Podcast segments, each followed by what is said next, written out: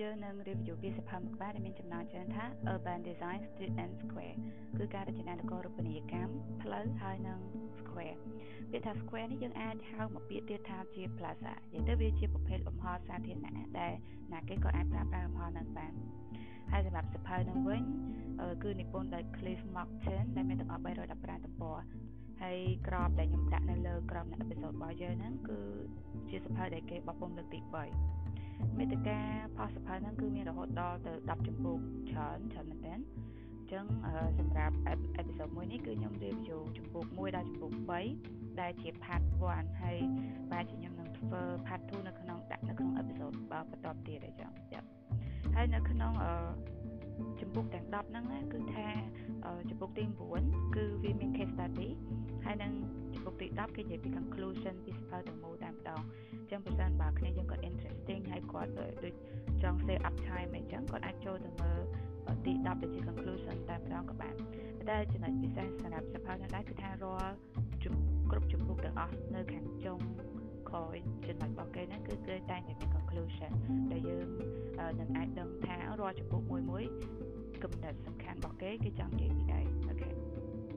ចឹងសម្រាប់ part 1របស់យើងខ្ញុំនឹង review ពីចំពុក1ដល់ចំពុក3ហ្នឹងដែលចំពុក1គឺ urban design and people មានន័យថាការ design នគររូបនីយកម្មដែលផ្សារភ្ជាប់ជាមួយនឹងមនុស្សទី2 basic design concept និយាយទៅបើថាយើងរៀនស្ថាបត្យកម្មយើងយើងរៀនមុខជាអីផ្សេងវាតែងតែមានអឺ គេហៅថា theory ទ្រឹស្ដីអីចឹងតែនៅក្នុងស្ថាបត្យកម្មគេហៅថា concept ចឹង concept គ្រឹះនៅក្នុងការ design នគររូបនីយកម្មមួយ គឺវាមាន9ប្រភេទនៅខាងក្នុងសភៅហ្នឹងទី3វិញគឺជាតំណែងរវាង town and building គឺទីប្រជុំជនហើយនិងអគារអូខេចឹងកុំឲ្យខាតពេលយូរចូលចំណុចទី1របស់យើងចំ ការរចនានគររូបនីយកម្មហើយនិងមនុស្ស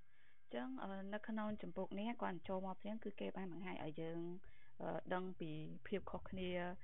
នៃការគិតរបស់មនុស្សដែលម្នាក់គាត់ជាជនសាមញ្ញធម្មតាម្នាក់គាត់អាចនឹងមានមុខជំនាញអីផ្សេងដែលខុសពីអ្នកដែលគាត់រៀនខាង urban planning ឬក៏ខាង architect អីចឹងគឺខុសពី professional ការគិតរបស់គាត់ គឺតែងតែផ្ទុយគ្នាអញ្ចឹងខ្ញុំគិតថាពេលដែលយើងចេញធ្វើការទៅជួបនឹង client ណាយើងត្រូវតែរក ផ្លូវកដាឬក៏ចំណុចកដាអីមួយដែលយើងអាចធ្វើម៉េចអឺគឺយើងត្រូវ follow client requirement ហើយប៉ុន្តែយើងនៅតែបញ្ជ្រាប propose នៅ idea របស់យើងដែរយ៉ាហើយនៅត្រង់ចំណុចហ្នឹងនៅក្នុងស្ពតហ្នឹងគេក៏បានលើកឧទាហរណ៍មួយឲ្យយើងឃើញតែម្ដងថាវាខុសគ្នាបែបម៉េចអឺអញ្ចឹងឧទាហរណ៍ហ្នឹងគឺមានលោកស្រីម្នាក់គាត់ឈ្មោះថា Clisson ហ្នឹងគឺគាត់រស់នៅ John Wood និយាយទៅ John Wood ហ្នឹងវាដូចជា community សហគមន៍មួយ ដែលវាមាន apartment ណាដែល apartment មានច្រើនប្លុកនៅខាងក្នុងហ្នឹងដូចជា3 4ជាន់ហើយ John Wood ហ្នឹងគេមានពីរប្រភេទគឺ John Wood the Elder ហើយនិង John Wood the Younger ហើយ John Wood ហ្នឹងវាស្ថិតនៅក្នុងគេថា Bath គឺជាទីក្រុងធំមួយ នៅក្នុង Somerset នៅក្នុងប្រទេសអង់គ្លេសអូខេអញ្ចឹងអ្នកស្រី Clayson ហ្នឹងគឺគាត់រស់នៅ John Wood ជានីហ្នឹង ហើយគាត់ចង់លាបទ្វារផ្ទះរបស់គាត់ហ្នឹងទៅជាពណ៌លឿងប៉ុន្តែយោងតាមខាងគេ professional វិញគឺគេយល់ឃើញថា John Wood Jr. អឺគឺបើសិនបើយើងពឹងផ្អែកទៅលើ classical urban architecture ណាគឺគេលាបទ្វារពណ៌សចឹងទៅនៅក្នុងផ្នែក professional គឺគាត់ចង់ follow a classical urban architecture ហ្នឹងប៉ុន្តែសម្រាប់យើងដែលជា client ឬក៏ជាជនសាមញ្ញដែលមានជំនាញខុសពីហ្នឹងគឺយើងគ្រាន់តែចង់ លាបទ្វារផ្ទះរបស់យើងទៅតាមពណ៌អ្វីដែលយើងស្រឡាញ់តែប៉ុណ្្នឹងឯងចឹងហើយមិនថាការរចនានគររូបនីយកម្មយើងថាយើងរចនាស្ថាបត្យកម្មយើងអាចជួប client ម្នាក់ប៉ុន្តែបើយើង design នគររូបនីយកម្មវិញគឺយើងនឹងត្រូវជួបមនុស្សច្រើនមែនតើហើយចឹងដំណោះស្រាយរបស់យើងហ្នឹងគឺត្រូវដោះស្រាយធ្វើម៉េចឲ្យមនុស្សជាច្រើនហ្នឹងតាមដែលអាចធ្វើទៅបានអូខេចឹងចំណុចទី1 គឺគេប្រាប់ឲ្យយើងដឹងអំពីគោលការណ៍អឺក្រងការវិភាគនៃការចូលរួមពីសាធារណជនយ៉ាប់ចឹងគឺការរចនានគររូបនីយកម្ម central study ចំណុចដែលសំខាន់ជាងតែសិក្សាជាដំបូងហ្នឹងគឺមនុស្សនឹងឯងគឺការចូលរួមពីសាធារណជនជាចំណុចដែលអាចខ្វះបានចឹងយើងត្រូវតែមើលថាតម្លៃរបស់ពួកគាត់ស្ថិតនៅត្រង់ណាចំណុចអីគេដែលវា អាចផ្ដល់ជាការលើកទឹកចិត្តឬក៏ជាធម៌ពលឬក៏ជា ability ជាសមត្ថភាពដែលអាចជំរុញឲ្យវានឹងអាចកើតបានចឹងយើងក៏អាចកំណត់ថាតួនាទីរបស់អ្នកដែលបង្កត់បង្កើតទីក្រុងឬបង្កើតទីប្រជុំជនអីមួយ គឺជាការ understand គឺការយល់គឺការបង្ហាញចេញមកវិញឲ្យឃើញតាមរយៈទម្រង់នៃអគារទម្រង់នៃអ្វីដែលនឹងត្រូវបានសាងសង់ ឲ្យស្របទៅតាមតម្រូវការ និងអ្វីដែលអឺក្រុមមនុស្សម្នាក់ហ្នឹងក្រុមមនុស្សដែលនៅតំបន់យើងនឹងត្រូវសាងសង់ហ្នឹងគឺគាត់ចង់បានអូខេអឺចាញ់ខ្ញុំនឹងប្រាប់យើងតកតទៅនឹង analytical framework នៃការចូលរួមពីសាធារណជនហ្នឹងណានៅក្នុងសភៅហ្នឹងគេបានដាក់ជាតារាងហ្មងគឺផ្ដល់ភាពងាយស្រួលឲ្យយើងដែរប៉ុន្តែគាត់ថាខ្ញុំមិននិយាយស៊ីជម្រៅទេ គាត់តែនិយាយត្រួសត្រាសឲ្យយើងយើងដឹងទេដោយសារវាមិនមែនជាជំនាញរបស់ខ្ញុំដែរគាត់តែអានឲ្យដឹងដឹងចឹងណា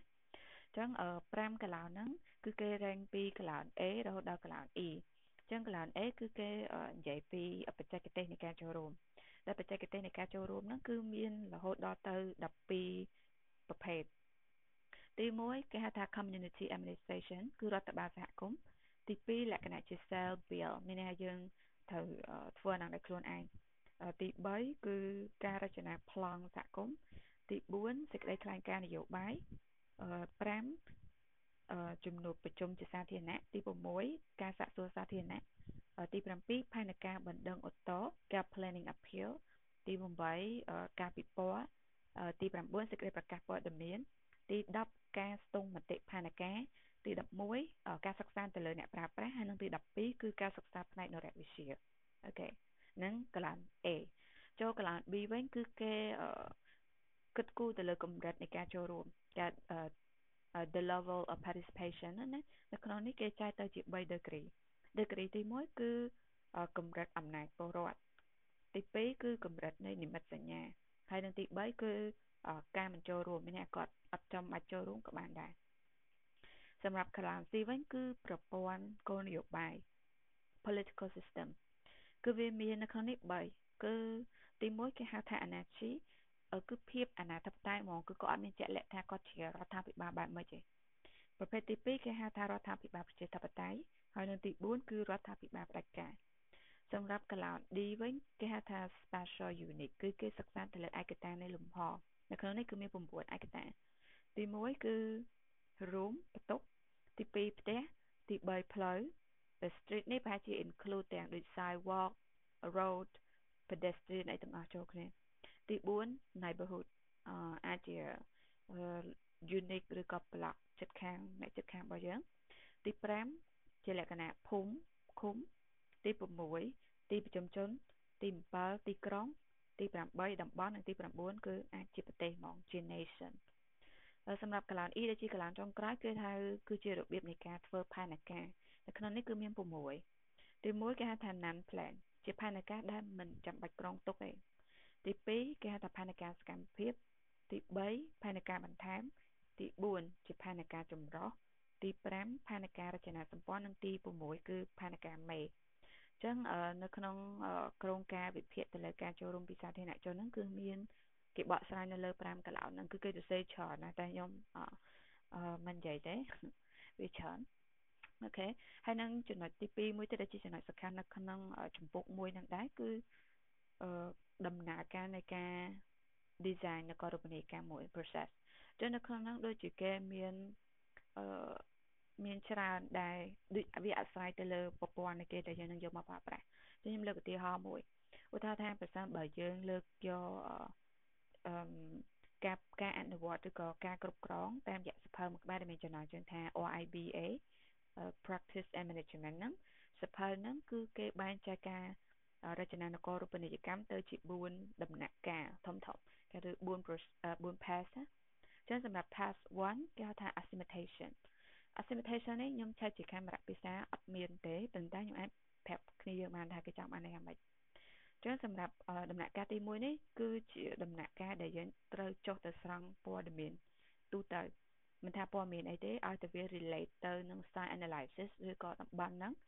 គឺយើងត្រូវតែស្រង់មកសិនដើម្បីស្វែងរកថានៅតំបន់ហ្នឹងគេកំពុងតែជួបបញ្ហាអីគេខ្លះ Pass 2វិញគឺ General Study គឺការសិក្សាទូទៅមានន័យថាយើងត្រូវកំណត់យកបញ្ហាហើយយើងស្វះស្វែងរកនៅដំណោះស្រាយអីដែលវាអាចទៅរួចប៉ុន្តែយើងត្រូវដឹងថាបញ្ហាវាអាចមានលើសពីមួយ អាហ្នឹងវាអាស្រ័យលើយើងគិតថាយើងចង់ដោះបញ្ហាណាមុនហើយយើងគិតថាបញ្ហាណាដែលវា extreme វាវាសំខាន់ត្រូវតែចាំបាច់ដោះស្រាយអូខេទី3គឺ development គឺបកមកគឺការអភិវឌ្ឍអញ្ចឹងគឺការអភិវឌ្ឍនេះគឺជាការអភិវឌ្ឍទៅលើដំណោះស្រាយដោយសារយើងអាចដោះស្រាយបញ្ហាមួយតាមរូបភាពច្រើនបែបអញ្ចឹង solution ត្រូវតែ propose ឲ្យបានច្រើនជាងមួយអាច4 5អីចឹងទៅ ហើយនឹង pass ទី4គេហៅថា communication គឺការតំណាក់តំណងមានន័យយើងចាប់ផ្ដើមតំណាក់តំណងនៅដំណោះស្រាយរបស់យើងទៅកាន់ client ទៅកាន់អតិថិជនឬក៏មនុស្សដែលគាត់រស់នៅតំបន់ហ្នឹងឲ្យដឹងថាយើងមានដំណោះស្រាយ1 2 3 4ចាចាអញ្ចឹងថាតើពួកគាត់នឹង vote យក solution មួយណាយ៉ាហើយគាត់ពេញចិត្តអាមួយណាជាងគេអីចឹងមកដល់ចំពោះទី2គឺ concept design គ្រឹះមួយចំនួន សួរថាអា concept ជាច្រើនហ្នឹងគេយកវាមកធ្វើអីគេតាមពិតទៅ concept ទាំងអស់ហ្នឹងគឺគេយកវាមកដើម្បីវិភាគទៅលើសមាសភាពស្ថាបត្យកម្មដើម្បីយើងអាចយល់ហើយកំណត់ថាអាគុណភាពបែបណាដែលជាគេហៅថាជាគុណភាពល្អហើយអាទម្រង់បែបណាដែលជាទម្រង់ស្រស់ស្អាតនៃស្ថាបត្យកម្មឬក៏នគរូបនីយកម្មមួយអញ្ចឹង concept ទី1របស់យើងគេហៅថា order order មានន័យថាដូចលំដាប់លំដោយដោយការត្រង់ជួរពីទៀបទៅខ្ពស់ ឬក៏ការឈរថតរូបអ្នកដែលទៀបមកមុខអីចឹងណាយ៉ាអាហ្នឹងហើយវាជា order ហើយនៅក្នុងនគរូបនីយកម្មគឺវាមាន object ច្រើនហើយ object ទាំងអស់ហ្នឹងអាចនឹងមានទម្រង់លក្ខណៈខុសគ្នាទៀតអញ្ចឹងការដែលយើងត្រូវច្បល់ object ដែលខុសៗគ្នាហ្នឹងបញ្ចូលគ្នាបង្កើតបានទៅជាការរចនាថ្មីណាមួយ គឺអ្នក design គាត់អត់គួរគិតឡើយផ្ដាច់គ្នាថា object នេះគួរតែវាមាន វាមានលក្ខណៈពិសេសអីគេរបស់វាអីមួយតមករបស់មួយទៀតគឺវាដាច់ពីគេដូចវាផ្ទុយគ្នាស្រឡះអីចឹងណាយើងអត់គួរធ្វើអញ្ចឹងឯងធ្វើម៉េចរបស់ហ្នឹងវាគួរតែមានអា correlationship ជាមួយគ្នាវាស្ថិតនៅក្នុងរឿងនិទានមួយជាមួយគ្នាដូចថាអខ្ញុំបង្កើតអានេះបន្តមកទៀតខ្ញុំបង្កើតអានេះបានមួយទៀតគឺដោយសារអីគេអញ្ចឹងវាត្រូវតែមាន correlationship ទោះបីពេលខ្លះវាគ្រាន់តែជា scale ការព្រមឬក៏ brick scale ឬក៏ ពឹងផ្អែកទៅលើ ratio អីមួយអាហ្នឹងក៏ជា correlationship ដែរហើយ city orders ក៏វាតកតងទៅនឹងថាតើមនុស្សគាត់អាចទទួលអារម្មណ៍ឬក៏ការមើលឃើញ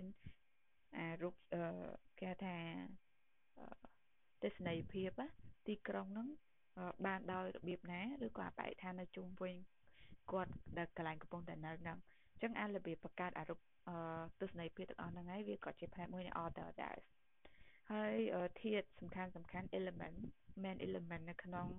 ការរចនានគរូបនីយកម្មមួយ ដែលយើងអាច achieve ទៅតកតងទៅនឹង immakeability សមត្ថភាពនៃរូបទស្សនីយភាពទីក្រុងហ្នឹងក៏វាអាចមាន5ធាតុ pet pet វាអាចវា include ទាំងអស់ឲ្យតែឲ្យតែយើងអាច flow បានណានៅលើនឹងវាអាចជា ផ្លូវថ្នល់វាអាចជា pedestrian វាអាចជា sidewalk វាអាចជាអីយ៉ាឲ្យតែ pet គឺ include ទាំងអស់មួយទៀតគឺ earth អឺអឺនឹងវាអាចជា city boundary ដូចជាជាអីចឹងជាអាគារអីចឹងទៅ district វាជា map ដូច block block node node នេះជាចំណុចហើយនឹង landmark វាអាចជាកន្លែងដែលជាអត្តសញ្ញាណនៃកន្លែងមួយហ្នឹងឧទាហរណ៍អូយើងទៅប៉ារីសយើងឃើញទូ Eiffel អញ្ចឹងទូ Eiffel វាជា landmark នៃទីក្រុងប៉ារីសអឺប៉ុន្តែចំណុចមួយហ្នឹងខ្ញុំអាចខ្ញុំមានសភៅផ្សេងដែលមានចំណងជើងថា image of the city ហើយសភៅហ្នឹង maybe ខ្ញុំអាចនឹង review នៅក្នុង episode ក្រោយទៀតអញ្ចឹងឥឡូវនេះយើងអត់ទៅចម្លើយទេអូខេចូលដល់ concept ទី2គេហៅថា unity unity មានន័យថាការរួបរួមមានន័យថាអឺដូចយើងរៀបរូប puzzle អញ្ចឹងណាពេលយើងអត់តាន់រៀបអា puzzle ទាំងអស់ហ្នឹងវានៅច្បល់ចូលគ្នាទៅយើងដឹងអូអត់ដឹងអីគេតែតែពេលយើងរៀបហើយវាបានជា រូបអីមួយដែលយើងអាចយល់បានអឺថាវាជាអីគេយ៉ាប់អឺហើយតកតមួយ unity នេះគឺការរចនានគរូបនីយកម្មគេអាចនិយាយអំពី figure ground theory គឺតកតទៅនឹង background និង foreground ផ្នែកដែលនៅខាងក្រោយនិងផ្នែកដែលនៅខាងមុខអញ្ចឹង figure គឺដើរតួជា foreground ហើយ background គឺដើរតួជា ground តែ figure ground theory នេះខ្ញុំនឹងនិយាយលម្អិតតិចនៅក្នុងចំណុចក្រោយទៀតណាដែល ដែលវាតកតងចឹងនៅក្នុងនេះវាគេមានឧទាហរណ៍ច្រើនតែខ្ញុំនឹងលើកឧទាហរណ៍មួយគឺតកតងទៅនឹង Palmanova Palmanova គឺជាទីក្រុងមួយនៅផ្នែកខាងជើងភាគខាងកើតនៃប្រទេសអ៊ីតាលីដែលត្រូវបានគេ design ឡើងនៅក្នុងឆ្នាំ1593និយាយទៅទីក្រុងហ្នឹងមានរាងដូចកោណតែកោណហ្នឹងមានជ្រុង9ណា យ៉ាប់និយាយទៅដូចជាភីសាអញ្ចឹង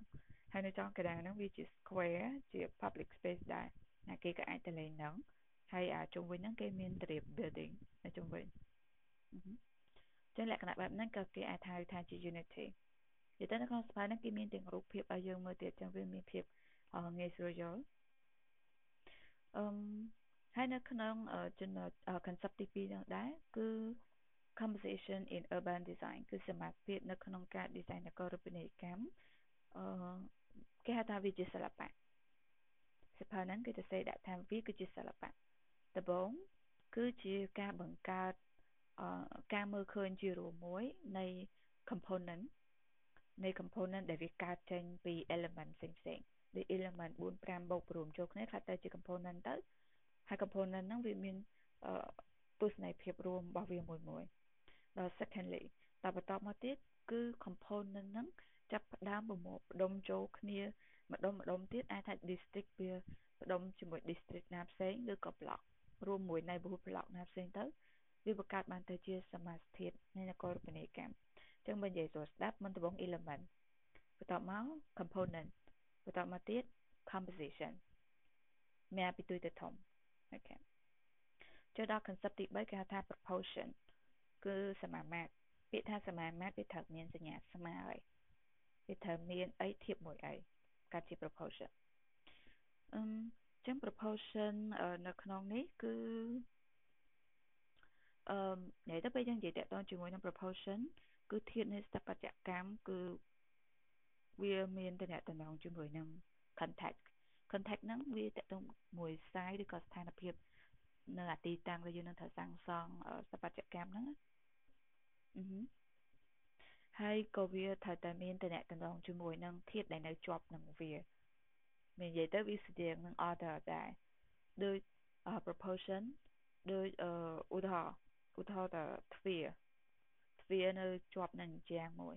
ពេលយើងមើលពី elevation មកទ្វារមួយអឺជាងហ្នឹងវាមាន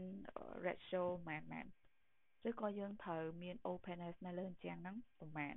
អាហ្នឹងហើយវាជា proportion proportion នៃជាងរបស់យើងបង្កើតបានទៅជា proportion របស់ទ្វារឬក៏ proportion ផុសប្អួយអឺហឺនិយាយទៅ proportion នេះគេនិយាយតាក់ទងជាមួយនឹងទំហំច្រើនតចូលដល់ចំណុចអឺ concept ទី4គេហៅថា scale scale គឺមាត្រដ្ឋាន មាត្រដ្ឋាននេះគឺច្បាយតាក់ទងមួយ proportion តាក់ទងជាមួយសមាមាត្រនិយាយទៅពេលនិយាយទៅចំណុចខ្លះវាស្តៀងស្តៀងវាគៀកគៀកគ្នានិយមន័យអញ្ចឹងអឺសម្រាប់ scale នេះវិញគឺតកតងជាមួយនឹងគឺការកាត់គូទៅលើតតង់អត់តតង់សំដៅទៅលើតតង់បដោយហើយនឹងកម្ពស់គឺ x y z នៅលើអាហ្នឹងបើជា 3D បើគិតនៅលើ 2D គឺយើងគិតតែកម្ពស់ហើយនឹងតតង់ឯងដូចទ្វារអញ្ចឹងគេហៅជា 2D ហើយហើយលំហ space ហ្នឹងគេហៅជា 3D អញ្ចឹងនៅក្នុង scale នេះ scale ជាដំបូងគឺគេហៅថា human scale គឺមាត្រដ្ឋានផលមនុស្សដែលគេសម្រាប់ទុកវាស់ជាមាត្រដ្ឋានជាក់ស្ដែងគេហៅ real size ចឹងនៅក្នុងការបង្កើតអាគារមួយមិនថាបង្កើត 2D ឬក៏ 3D element ទេគឺវាត្រូវតែ relate ជាមួយនឹង human scale នឹងឯងដោយសារតែឧទាហរណ៍ឧទាហរណ៍ទ្វារសាមញ្ញធម្មតាវាគួរតែមានកម្ពស់ប៉ុន្មានដើម្បីឲ្យមនុស្សគាត់អាចចេញចូលស្រួលអីចឹងទៅចឹងជាទូទៅគឺ2ម៉ែត្រគុណនឹង0អាហ្នឹងកម្ពស់2ម៉ែត្រទៅតឹងរបស់វា0.75ម៉ែត្រប៉ុន្តែបើយើងត្រូវការលើកអីវ៉ាន់ចូលដូចជាសាឡុងតុកទូអីចឹង វាទ្វារហ្នឹងវាគួរតែមានតឹងប្រហែលវិញទ្វារហ្នឹងវាអាចមានតឹង0.9ម៉ែត្រអីចឹងទៅទៅ1ម៉ែត្រឬក៏1ម៉ែត្រ2អញ្ចឹងទៅហ្នឹងហើយហើយនៅក្នុងនោះដែរគឺមានលោកម្នាក់ឈ្មោះថា Plato Plato គឺគាត់បាន propose បានលើកឡើងអំពីគេថា good city ណាទីក្រុងដែលល្អវាគួរតែមានប្រជាជនរស់នៅប្រហែលជាខ្ទង់5000នាក់យ៉ាប៉ុ ន្តែមានលោកម្នាក់ទៀតឈ្មោះថា Aristotle Aristotle និយាយថាទីក្រុងមួយអត់គួរមានមនុស្សរស់នៅច្រើនពេកទេគឺគាត់បានលើកឡើងពីជីវិតរស់នៅ របស់ប្រជារាស្ត្រនៅសតវត្សទី5មុនគ្រិស្តសករាជនៅក្នុងទីក្រុងក្រិចណាហើយដែរបងគាត់អត់ចង់ឲ្យមានប្រជាជនច្រើនពេកដោយសារវាតកតនទៅនឹងយុតិធម៌ the the matter of justice ឬក៏ការ office ម្នាក់ការការផ្ដល់នៅសេវាកម្មអីផ្សេងផ្សេងហ្នឹងណាគឺវាអាចនឹងមានអផលវិបាកប្រសិនដល់ប្រជាជនហ្នឹងវាច្រើនពេកយ៉ាប់ហើយមួយទៀតអ្វីដែលជាចំណុចសំខាន់ហ្នឹងគឺការស្គាល់គ្នាទៅវិញទៅមកដូចយើងណៃបហូចឹងអយើងស្គាល់គាត់ថាជាអ្នកចិត្តខាងយើងយើងស្គាល់គាត់ថាជាមនុស្សប្រភេទបែបណាអីចឹងអញ្ចឹងវាក៏អាច relate ទៅនឹងឡើយសន្តិសុខនៅក្នុងសង្គមឬក៏នៅក្នុងតំបន់ហ្នឹងដែរចឹងហេតុអីបើខ្ញុំនិយាយតកតជាមួយនឹងចំនួនប្រជាជននៅក្នុងទីក្រុងឬក៏ទី ប្រជុំជនវាតកតមួយ scale ហ្នឹងឯងគេថា social scale ឬក៏ scale effect ដូចហើយយើង scale ទ្វារអញខ្ញុំនិយាយថាទ្វារទូទៅមួយហ្នឹងអាចថាជាទ្វារដែលគេប្រើនៅក្នុងលំហ private លំហឯកជនណាប៉ុន្តែបើយើងត្រូវសាងសង់អគារដែលមានលក្ខណៈជាសាធារណៈវិញគឺទ្វារហ្នឹងត្រូវបម្រើមនុស្សប្រមាណអ្នកច្រកទ្វារហ្នឹងត្រូវឧទាហរណ៍យើងត្រូវ យើងធ្វើ high building យើងត្រូវមាន excavation អត់សំទៅ excavation គេថា evacuation stair ណាគឺជាតាកិច្ចអគិភ័យណាជំលះអគិភ័យអញ្ចឹងជាតាហ្នឹងត្រូវគិតទៅតឹងប្រមាណគឺវាអាស្រ័យ100នាក់គឺ1ម៉ែត្រអាហ្នឹងវាជា building code នៅចិត្តគឺគេកំណត់អញ្ចឹងអញ្ចឹង scale នេះក៏វាអាចអាស្រ័យទៅនឹងចំនួនអ្នកប្រើប្រាស់ដូចគ្នាអឺមកដល់ concept ទី5 concept ទី5គឺ harmony and proportion អញ្ចឹង harmony បកជាខ្មែរមកគេហៅថាភាពសុខដុមអឺសម្រាប់ខ្ញុំខ្ញុំគិតថា harmony វាជាលក្ខណៈ rich space space ដែលល្អដែលអាចអនុញ្ញាតឲ្យមានតំណែងរវាងរបស់ជាច្រើនបញ្ចូលគ្នាដូច contact ជាមួយនឹងមនុស្សឬក៏ nature មួយមនុស្សអីចឹងហ្នឹងខ្ញុំហៅវា harmony អញ្ចឹងភាពសុខដុមរមនានេះក៏វាត relate ជាមួយនឹង proportion ដែរតទៅទៅនឹងសមាមាត្រដូចគ្នា អញ្ចឹងអឺនៅក្នុងនោះដែរគឺគេបាននិយាយតទៅទៅនឹងស្ថាបត្យកម្មនៅលោកខាងលិចហ្នឹងគឺដើម្បីយើងអាចរៀបលំដាប់នៃធាតុស្ថាបត្យកម្មបាន គឺយើងមានវិធីពីរអាហ្នឹងស្ថាបត្យកម្មលោកខាងលិចមិនទៅទូទៅទេណាពីរហ្នឹងទីមួយគេហៅថា classical orders មួយទៀតគេហៅថា medieval orders អញ្ចឹង classic classical order វាខុសគ្នាមិនពី medieval orders អញ្ចឹងទី1 classical order គឺជាទ្រឹស្ដីដែលត្រូវបានបង្កើតឡើងដោយអ្នករចនាជនជាតិក្រិចបន្តមកត្រូវបាន translate ទៅជាភាសារ៉ូម៉ាំងដោយ Wittevers ហើយនិងអ្នកដែលអឺគេថាអ្នកដែលដើរតាមលោក Wittevers ហ្នឹងនៅក្នុងសម័យរណសង្ឃអញ្ចឹង Wittevers នេះរៀងល្បីពេលខ្ញុំអានសភៅហ្នឹងគឺឃើញឈ្មោះគាត់រហូតអឺ Wittevers គឺគាត់ជាស្ថាបត្យករផងជាវិស្វករផងជនជាតិរ៉ូម៉ាំង នៅសតវត្សទី1មុនគ្រិស្តសករាជហើយសម្រាប់ medieval order វិញគឺគឺគេសម្គាល់ទៅលើ Gothic architecture Gothic architecture គឺជាប្រភេទ style ស្ថាបត្យកម្មនៅប្រទេសអឺរ៉ុបដែលវាត្រូវបានកើតឡើងនៅពាក់កណ្ដាលសតវត្សទី12រហូតដល់សតវត្សទី16អឺហើយចំណុចផ្សេងខុសគ្នាពីរទៀតគឺ classical order ឬក៏ classical building ហ្នឹងគឺគេចង់និយាយទៅលើចំណុច number ហើយនិងទំហំ number គឺដូចចំនួនធាតុដូចចំនួនសសរចំនួនប្អួយចំនួនទ្វារអីចឹងគឺវាមានលក្ខណៈកុងស្តង់គឺថេប៉ុន្តែទំហំផលប្អួយផលទ្វារឬក៏ផលសសរហ្នឹងគឺវាអត់ថេទេប៉ុន្តែសម្រាប់ medieval building វិញគឺវាប្រឆាំងពីហ្នឹងមានន័យថាចំនួនចំនួននៃ element គឺវា មានភាពអត់អត់កុងស្តង់ទេប៉ុន្តែខ្សែទំហំរបស់វាគឺកុងស្តង់វិញនិយាយទៅវាប្រឆាំងគ្នាអាពីរហ្នឹងហើយនៅក្នុងហ្នឹងក៏គេបានបង្ហាញឲ្យយើងអវាជា example ណាថាអា classical order វាខុសគ្នាមិនពីអា medieval medieval orders ជាង classical order គឺគេលើកឧទាហរណ៍ពីប្រាសាទ Greek ហើយ medieval order គឺគេលើកឧទាហរណ៍ពី Gothic cathedral ហ្នឹងឯងតែយើងអាចចូលទៅមើលបន្ថែមខ្លួនឯងហើយតកតងជាមួយនឹងទ្រឹស្ដីបត់ harmony ហ្នឹងគឺថានៅក្នុងស្ថាបត្យកម្មអសំទោសមិនមែនក្នុងស្ថាបត្យកម្មទេគឺភាព harmony មួយហ្នឹងគឺត្រូវបានគេសរសេរតាក់តែងឡើងដោយស្ថាបត្យករដែលគាត់នៅសម័យរណសង្ឃណាគាត់បានសរសេរទុកតាក់ទងជាមួយនឹង អអាហារមនីនៅក្នុងស្ថាបត្យកម្មហ្នឹងវាបែបបែបបែបហើយនៅក្នុងចំណុចហ្នឹងដែរគឺគេបាននិយាយតាក់ទងជាមួយនឹង file order តែបងខ្ញុំរៀង surprise ដែរថាអូ file order ហ្នឹងអីគេអញ្ចឹងអឺជាការពិតទៅ file order ហ្នឹងវាជាអត្តសរនៅប្រទេសនៅក្រុងរ៉ូមអត្តសរ5ប្រភេទទី1គេហៅថា Tuscan ទី2 Doric ទី3 Iconic ទី4 Corinthian Corinthian ហើយ និងទី5គឺ Composite ចឹងអា5ហ្នឹងគេហៅថា file order និយាយទៅបើសិនបើយើងរៀនខាងស្ថាបត្យកម្មអត់ដូចខ្ញុំអីដូចជាឆ្នាំទី1ទី2គឺមានវិជ្ជាចូលប្រវត្តិដែលប្រវត្តិហ្នឹងយើងទៅសិក្សាអំពីស្ថាបត្យកម្មនៅលោកខាងលិចគឺយើងបានស្គាល់អំពីទស្សនៈ Doric ហើយនិង Eoric ហើយតកតងជាមួយនឹងពីខាងដើមយើងនិយាយថា harmony វាមាន relation ជាមួយនឹង proportion អញ្ចឹង proportion នៅក្នុងន័យហ្នឹង គឺវាតកតមួយ ratio ដូចជា golden ratio ខ្ញុំគិតថាអ្នកដែលគាត់សិក្សាខាងផ្នែកស្ថាបត្យកម្មគាត់អាចនឹងស្គាល់ហើយថា golden ratio នឹងអីគេ golden ratio ហ្នឹងគឺជាតម្លៃតម្លៃលេខគឺ1.618ហើយមានតកតងជាមួយនឹងរឹសពី rectangle ratio ជាដើមយ៉ាតែខ្ញុំអត់ស៊ីចម្លើយទេគ្នាយើងអាចចូលមើលខ្លួនឯងបានហើយនឹងនៅក្នុងចំណុចនឹងដែរ ក៏គេបាននិយាយតកតងទៅនឹងអឺគេថានៅក្នុងករណីខ្លះ proportion មានអាសមាមាត្រនៃទំហំលំហអីមួយ គឺវាត្រូវបានកំណត់ឡើងតាមរយៈការសកម្មភាពចាំបាច់គេថា practice necessity necessary អញ្ចឹងក្នុងនោះចាំបានន័យថាម៉េចឧទាហរណ៍ឧទាហរណ៍ទំហំបន្ទប់នៅឯមន្ទីរពេទ្យ Clean មន្ទីរពេទ្យ Clean នៅ Copenhagen ប្រទេស Denmark ហ្នឹងគឺទំហំបន្ទប់មួយមួយគឺត្រូវបានកំណត់ដោយតាមរយៈទំហំក្រែទំហំក្រែរបស់អ្នកជំងឺ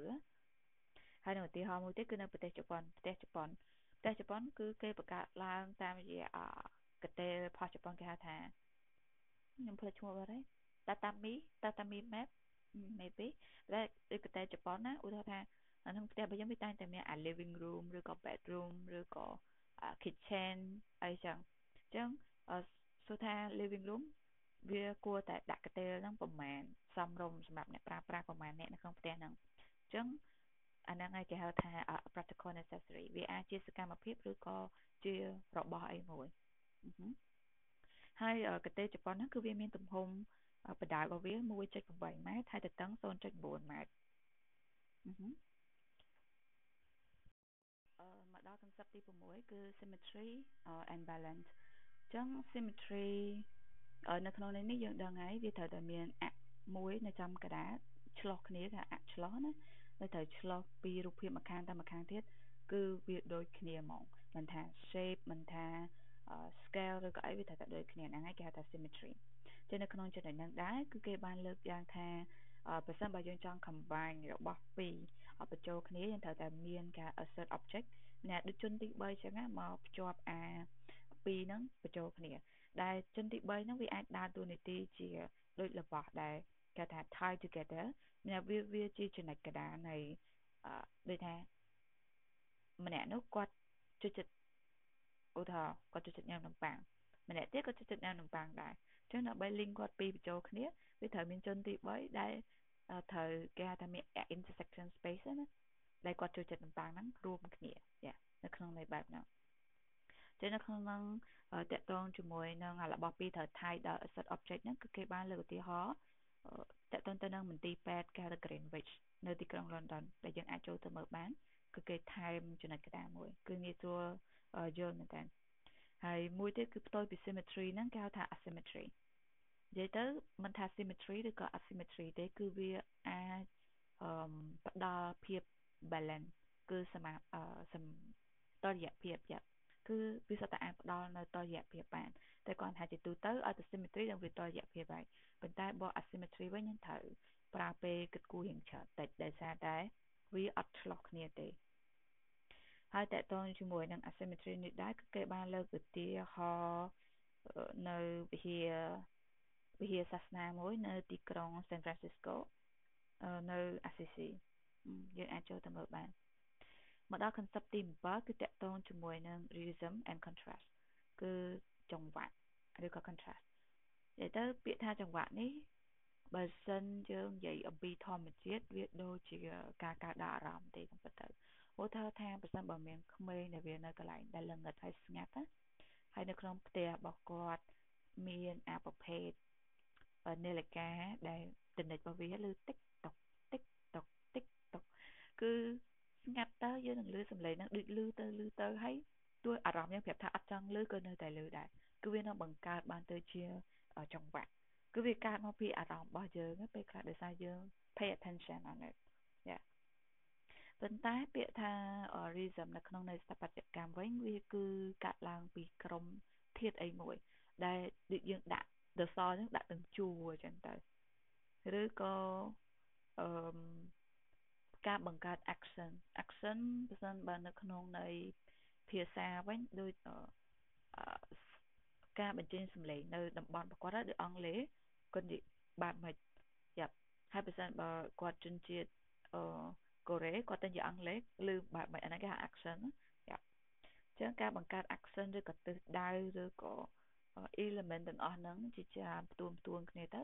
វានឹងបង្កើតបានទៅជាចង្វាក់ ជានៅក្នុងហ្នឹងក៏គេបានលើកឧទាហរណ៍ដែរតកតងជាមួយនឹងទីក្រុងរូមក៏ដូចជានៅ Amsterdam អឺហើយនៅក្នុងតកតងទៅនឹង concept rhythm and contrast នោះដែរគឺគេនិយាយថាការរចនាដែលល្អមួយយើងគួរតែជៀសវាងពីអ្វីដែលគេហៅថា monotony ណាគឺភាពដូចគ្នាឧទាហរណ៍អញ្ចឹងមកផ្ទាំងហ្នឹងគឺអញ្ចឹងមកផ្ទាំងហ្នឹងពណ៌អីក៏ដូចគ្នាអត់មាន openness ឬក៏ យ៉ាអត់មាន openness ហើយនិយាយទៅអញ្ចឹងហ្នឹងគឺអត់មានអត់មាន accent អត់មាន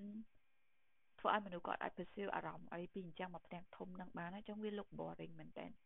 ចឹងដើម្បី break អាភាព boring ទៅជា interesting ឬបើក៏បង្កើត action អីមួយយើងត្រូវយើងអាចប្រើ contrast បានឧទាហរណ៍ថាអញ្ចឹងមកផ្ទាំងហ្នឹងគឺ include អឺអាគារ3 4ជាន់ចូលគ្នា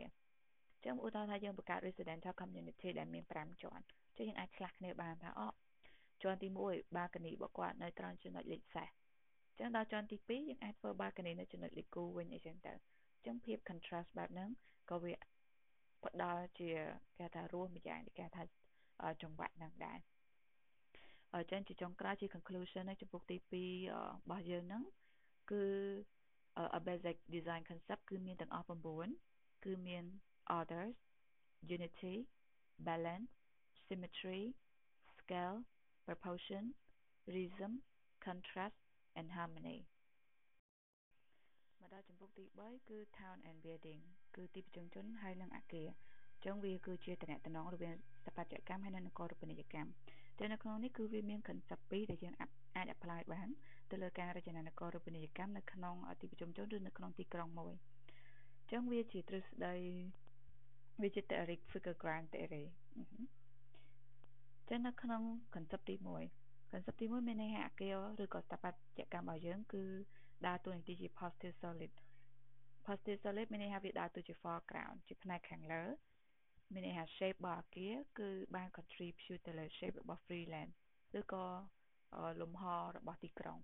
ប៉ុន្តែនៅក្នុង concept ទី2វិញគឺវាប្រឆាំងមកវិញមានន័យថាលំហរបស់ទីក្រុងវាដើរតួជា positive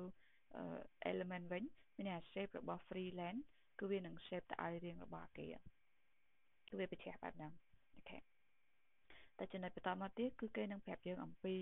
5 tactic ដែលនៅពេលដែលយើង design project នគររូបនីយកម្មដែលមានលក្ខណៈជា large scale គឺយើងនៅតែអាច achieve គេថា unity គឺភាពរួបរวมគ្នា នៅក្នុងទីក្រុងមួយហ្នឹងឬក៏នៅក្នុងនគររូបនីយកម្មមួយហ្នឹងអញ្ចឹងយើងអាច apply tactic មួយនៅក្នុងការ design ឬក៏ច្រើនលើពីមួយក៏បានគឺគេអត់កំណត់ទេអញ្ចឹងទីមួយគេហៅថា landscape landscape ជាភាសាខ្មែរគេហៅថាទេសភាពទី2គឺរូបរាងធរណីមាត្រសាមញ្ញរបស់អគារទី3 dry angle dry angle នៅក្នុងនេះគឺខ្ញុំមិនជាច្បាស់គេចង់សំដៅទៅលើមុំកែងឬក៏យ៉ាងណាទេប៉ុន្តែពេលខ្ញុំអានទៅហើយក៏មើលរូបទៅ វាមានតកតងជាមួយនឹងមុំកែងដែរប៉ុន្តែក៏ចំណុចខ្លះក៏មិនមែនមានន័យថាមុំកែងដែរដូចជាយើងទៅថតរូបអញ្ចឹងដូចយើងត្រូវ pose ឬក៏ថាចោលថតកន្លែងណាដើម្បីកុំឲ្យវាកងភ្លឺដើម្បីវាអាចចាប់យកទស្សនីយភាពបានច្រើនអីចឹងអញ្ចឹងវាអាចជាដូចយើងចាប់ប្លង់ចាប់មុំត្រូវអីចឹងទៅអឺទី4គឺតកតងជាមួយនឹងអាគារដែលតរៀបនៅលើអភិសេសអីមួយហើយនឹងទី4គឺតកតងជាមួយនឹង urban space គឺតកតងជាមួយនឹងលំហរបស់នគររូបនីយកម្មគឺវាតកតងជាមួយនឹង spatial organizing គឺការរៀបចំលំហអូខេហើយចំណុចបន្តមកទៀតគឺយើងនឹងនិយាយរៀងស៊ីជម្រៅតិចតកតងទៅនឹងអា5តតិចហ្នឹងចឹងសម្រាប់តតិចទី1គឺ building and landscape អាគារនៅក្នុងទេសភាពនិយាយទៅនៅក្នុងករណីដែលគេ apply landscape គឺនៅក្នុងករណីបែបនេះ គឺថាអាគារខ្លះគឺវាមានម្ចាស់កម្មសិទ្ធិខុសគ្នាចឹងតម្រូវការហើយនឹងការឆ្លៃចូលចិត្តរៀងហ្វាសាតឬក៏ color អីចឹងគឺវាប្រកាសជាមានលក្ខណៈខុសគ្នាអញ្ចឹងដើម្បីឲ្យអាអាគារជាច្រើនទាំងអស់ហ្នឹងដែលមានលក្ខណៈ individual រៀងរៀងខ្លួនយកស្អាតរៀងខ្លួនហ្នឹងអាចមកមានភាព unity បានគឺយើងត្រូវប្រើ landscape ដើម្បីផ្សារភ្ជាប់ពួកគាត់ចឹងនៅក្នុងហ្នឹងគឺគេបានលើកឧទាហរណ៍ច្រើនគួរសម3 4 តែខ្ញុំលើកមួយតទៅទៅនឹង Hampstead Garden Suburb Hampstead Garden Suburb វាជាលក្ខណៈ residential community គឺជាការរស់នៅសហគមន៍មួយនៅក្នុងទីក្រុង London គឺវាមានលក្ខណៈជា free standing houses គឺផ្ទះរបស់គាត់ហ្នឹងគឺដាច់ដាច់ពីគ្នាអត់អត់មាន share wall ទេគឺផ្ទះហើយវាមាន landscape ព័ទ្ធនៅជុំវិញមានលបងអីចឹងទៅមានកែ parking garage នៅខាងក្នុងអឺដីរបស់គាត់ហ្នឹង ហើយសម្រាប់ពេលខ្ញុំវាចូលទៅក្នុង website នៅក្នុង Google ទៅមើលចង់ដឹងណាថាអា Hampstead Garden Suburb ហ្នឹងអឺវាមានលក្ខណៈបែបម៉េចតំណមែនតើនិយាយទៅគឺថា building footprint នៅលើ ground floor ហ្នឹងគឺមានប្រហែលតែ30ទៅ40%ដែរ50ទៅ60%ទៀតគឺសុទ្ធសឹងទៅជា landscape ចាំបានន័យថា atmosphere ហ្នឹងវារៀង silent ណាវារៀងស្ងាត់វា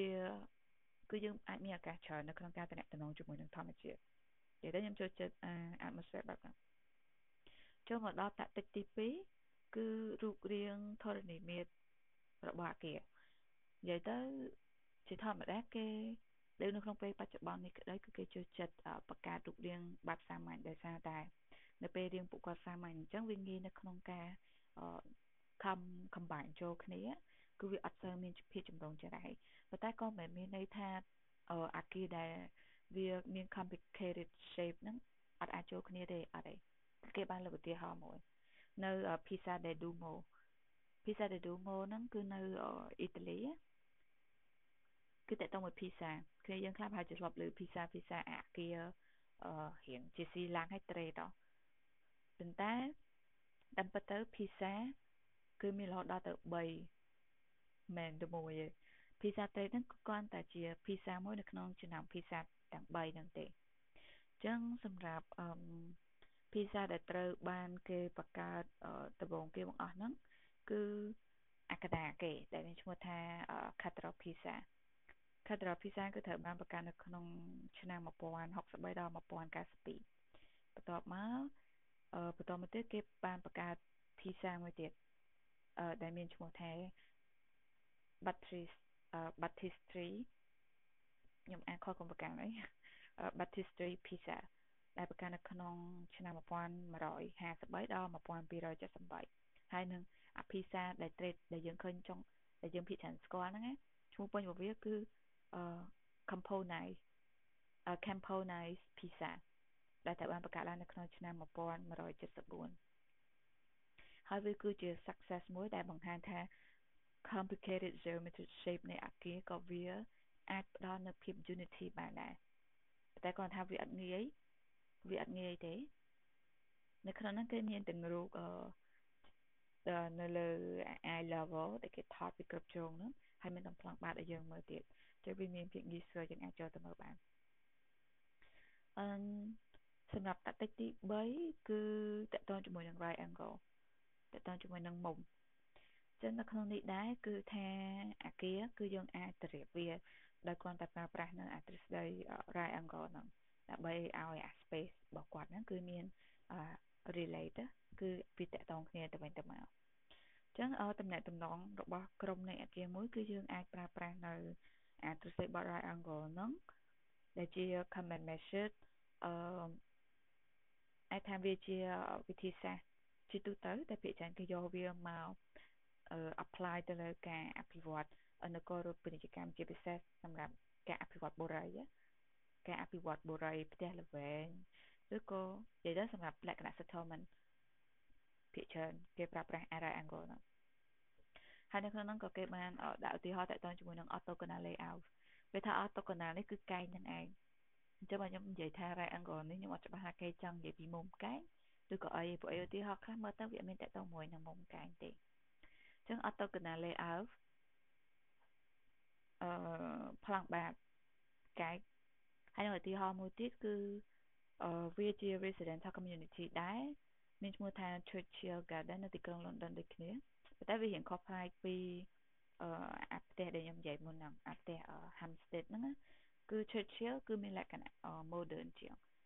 ពេលយើងមើលពី master plan ទៅក៏មានលក្ខណៈដូច វាស្ថិតនៅក្នុងកន្លែងទីប្រជុំជនដែលមានមនុស្សនៅច្រើន density um population grow តម្រូវការ requirement ហ្នឹងក៏វាច្រើនអញ្ចឹងទៅអឺ apartment មួយមួយគឺមានលក្ខណៈជា high rise apartment ច្រើនអញ្ចឹងវាអាចមានប្លុកពី50 60ឬក៏ទៅ70ប្លុកនៅក្នុងមួយ apartment ណាហើយមួយទៀតគឺវាមានលក្ខណៈកាត់បន្ថយអា landscape ច្រើនដោយសារវាជា apartment វា unique ចឹងទៅ មានន័យថាយើងយើងយើងប្រើតាមមួយ shape យើងអាចបំរើឲ្យមនុស្សជាច្រើនមនុស្សដល់ទៅ60 70អឺផ្ទះហើយនោះហើយនឹងឧទាហរណ៍មួយទៀតគឺតកតងទៅនឹងសាកលវិទ្យាល័យ Liverpool សាកលវិទ្យាល័យ Liverpool នេះបើសិនបើយើងសង្កេតមើលទៅលើ master plan អឺខ្ញុំអត់ច្បាស់ទេថា right angle វានៅកន្លែងណាប៉ុន្តែបើសិនបើមើលពីរូបថតដែលគេថតនៅលើ Schumann eye level អឺយើងអាចចូលមកជានោះឧទាហរណ៍ យើងកំពុងតែជិះនៅលើផ្លូវមួយដែលមានផ្ទះនៅសងខាង300ម៉ែត្រឬក៏500ម៉ែត្រនៅខាងមុខហ្នឹងយើងស្រាប់តែឃើញដូចមានអាគារមួយដូចបិទនៅចំពីមុខផ្លូវហ្នឹងយើងមានអត់ដូចដែតដែតអញ្ចឹងតែតែបិទអត់ហើយពេលយើងជិះទៅដល់ទៅវាមានផ្លូវបត់ឆ្វេងនៅក៏បត់ស្ដាំវាមានទៅត្រង់ទៀតណាវាមានលក្ខណៈបែបហ្នឹងដល់តតិចទី4គឺតកតងជាមួយនឹងការរៀបអឺ bidding គឺការរៀបចំអគារនៅលើ access ដែល នៅក្នុងនេះគេហៅថា Excel composition គឺសមាធិភាព app ចឹងយើងនិយាយតទៅមួយឧទាហរណ៍ហ្មងទៅវាងាយស្រួលយល់គឺគេលើកឧទាហរណ៍មួយនៃនៃទីក្រុងមួយឈ្មោះថា Sextus V នៅទីក្រុងរ៉ូមដូចគ្នាបានបង្កើតនៅក្នុងឆ្នាំ1585ដល់ឆ្នាំ1590គឺអ្នកដែលគាត់រចនាហ្នឹងគឺគាត់បានរើសយកផ្លូវមេមួយដែលវាមានទំហំធំហើយ straight វាត្រង់ បានឆ្ងាយមែនតើដែលគាត់អាច connect ព្រះវិហារកាតូលិកហ្នឹង7ដែលជា main church នៅក្នុងទីក្រុងហ្នឹងភ្ជាប់គ្នាទាំង7ហ្នឹងតែម្ដងហើយនៅឧទាហរណ៍មួយទៀត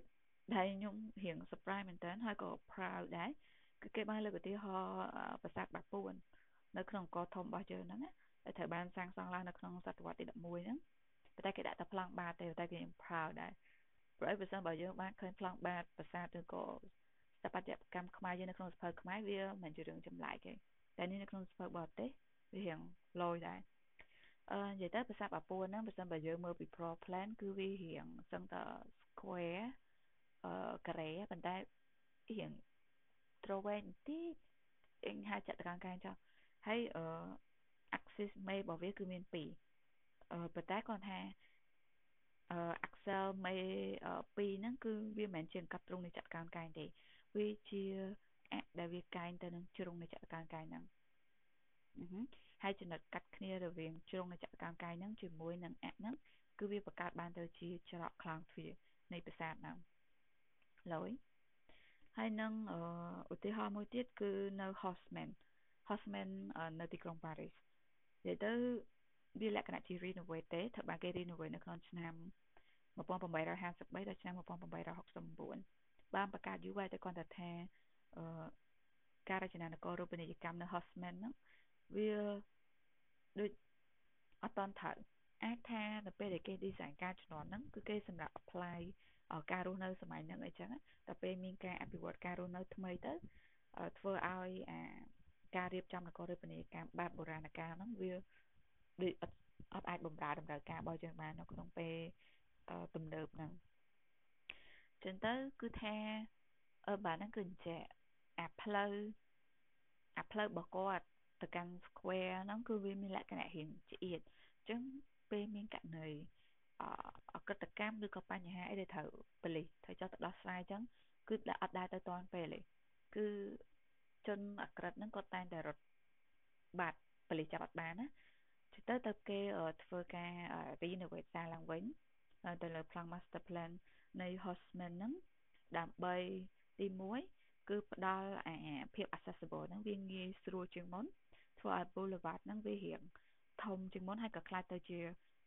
តំបន់គេថា main area នៃទីក្រុងហ្នឹងដែរដូចជាយើងអាចប្រពៃពិធីដូចអ្នកដើរទៅហ៊ានអីចឹងនៅនៅនៅកន្លែងហ្នឹងបាន យ៉ាប៉ុន្តែចំណុចចុងក្រោយមួយទៀតតកតទៅនឹងតតិទី4ហ្នឹងគឺថា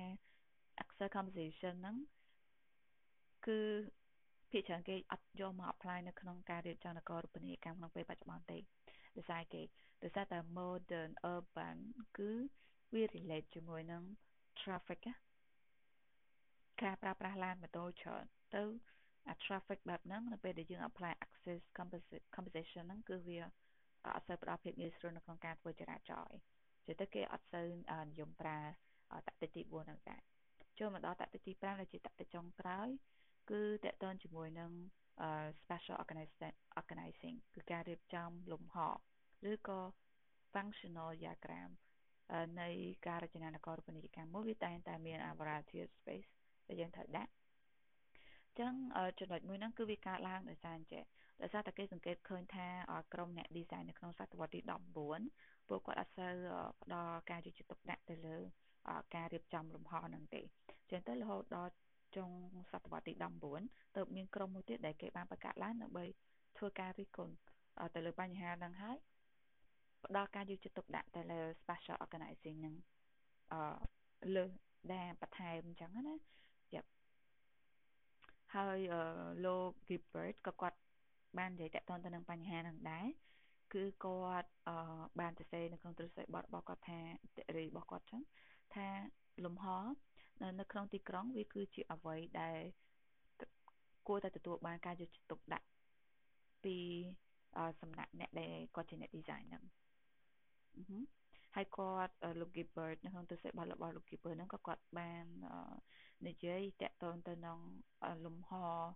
គេថា outdoor room មួយចំនួន ដូចជា balcony របស់យើងអីចឹងវាគួរតែអាចនឹង serve function អីមួយដែរមិនគ្រាន់តែជា balcony អីចឹងទេហើយក៏ដូចជា corridor របស់ city corridor city យើងកុំច្រឡំថា corridor នៅក្នុង apartment ឬក៏នៅក្នុង school អឺថ្នាក់ថ្នាក់អឺ department អីចឹងណែនេះ corridor នៅ city នេះគេចង់និយាយដូចផ្លូវចឹងចឹងផ្លូវហ្នឹងវាកាន់តែជា corridor ហើយអា facade នៃអគារផ្សេងៗដែលនៅ តាមដងផ្លូវហ្នឹង along the road ហ្នឹងវាคล้ายទៅជាដូចជាងចឹងដូច 2D wall 2D enclosed wall ហើយនៅក្នុងនោះក៏គេបានលើកឧទាហរណ៍ដែរតទៅទៅនឹង Grassi Grassi នៅឯ Reggio Calabria នៅក្នុងប្រទេសអ៊ីតាលីនិយាយទៅវាជាទីក្រុងមួយនៅដែលមានទីតាំងនៅលើភ្នំតែគាត់ថាពេលខ្ញុំជួយរូបភាពទៅ គឺខ្ញុំអត់ច្បាស់ថាវានៅលើកំពូលភ្នំដែលខ្ពស់ឬក៏គ្រាន់តែជាកូនភ្នំណាប៉ុន្តែវីដេអូវាស្អាតមែនតើគឺខ្ញុំចូលចិត្តលក្ខណៈបែបហ្នឹងអញ្ចឹងគ្នាយើងអាចទៅមើលបានតកតងជាមួយនឹង Karachi អឺទីក្រុង Karachi ហ្នឹងអូខេអញ្ចឹងឥឡូវយើងមកដល់ចំណុចបញ្ចប់នៃអេពីសូតមួយនេះហើយហើយនៅសល់ប្រហែលចំពោះពី3ចំពោះទៀតខ្ញុំនឹង review ដាក់ទៅក្នុង part 2 នៅក្នុង episode ក្រោយអូខេមានតែប៉ុណ្្នឹងទេបាយបាយ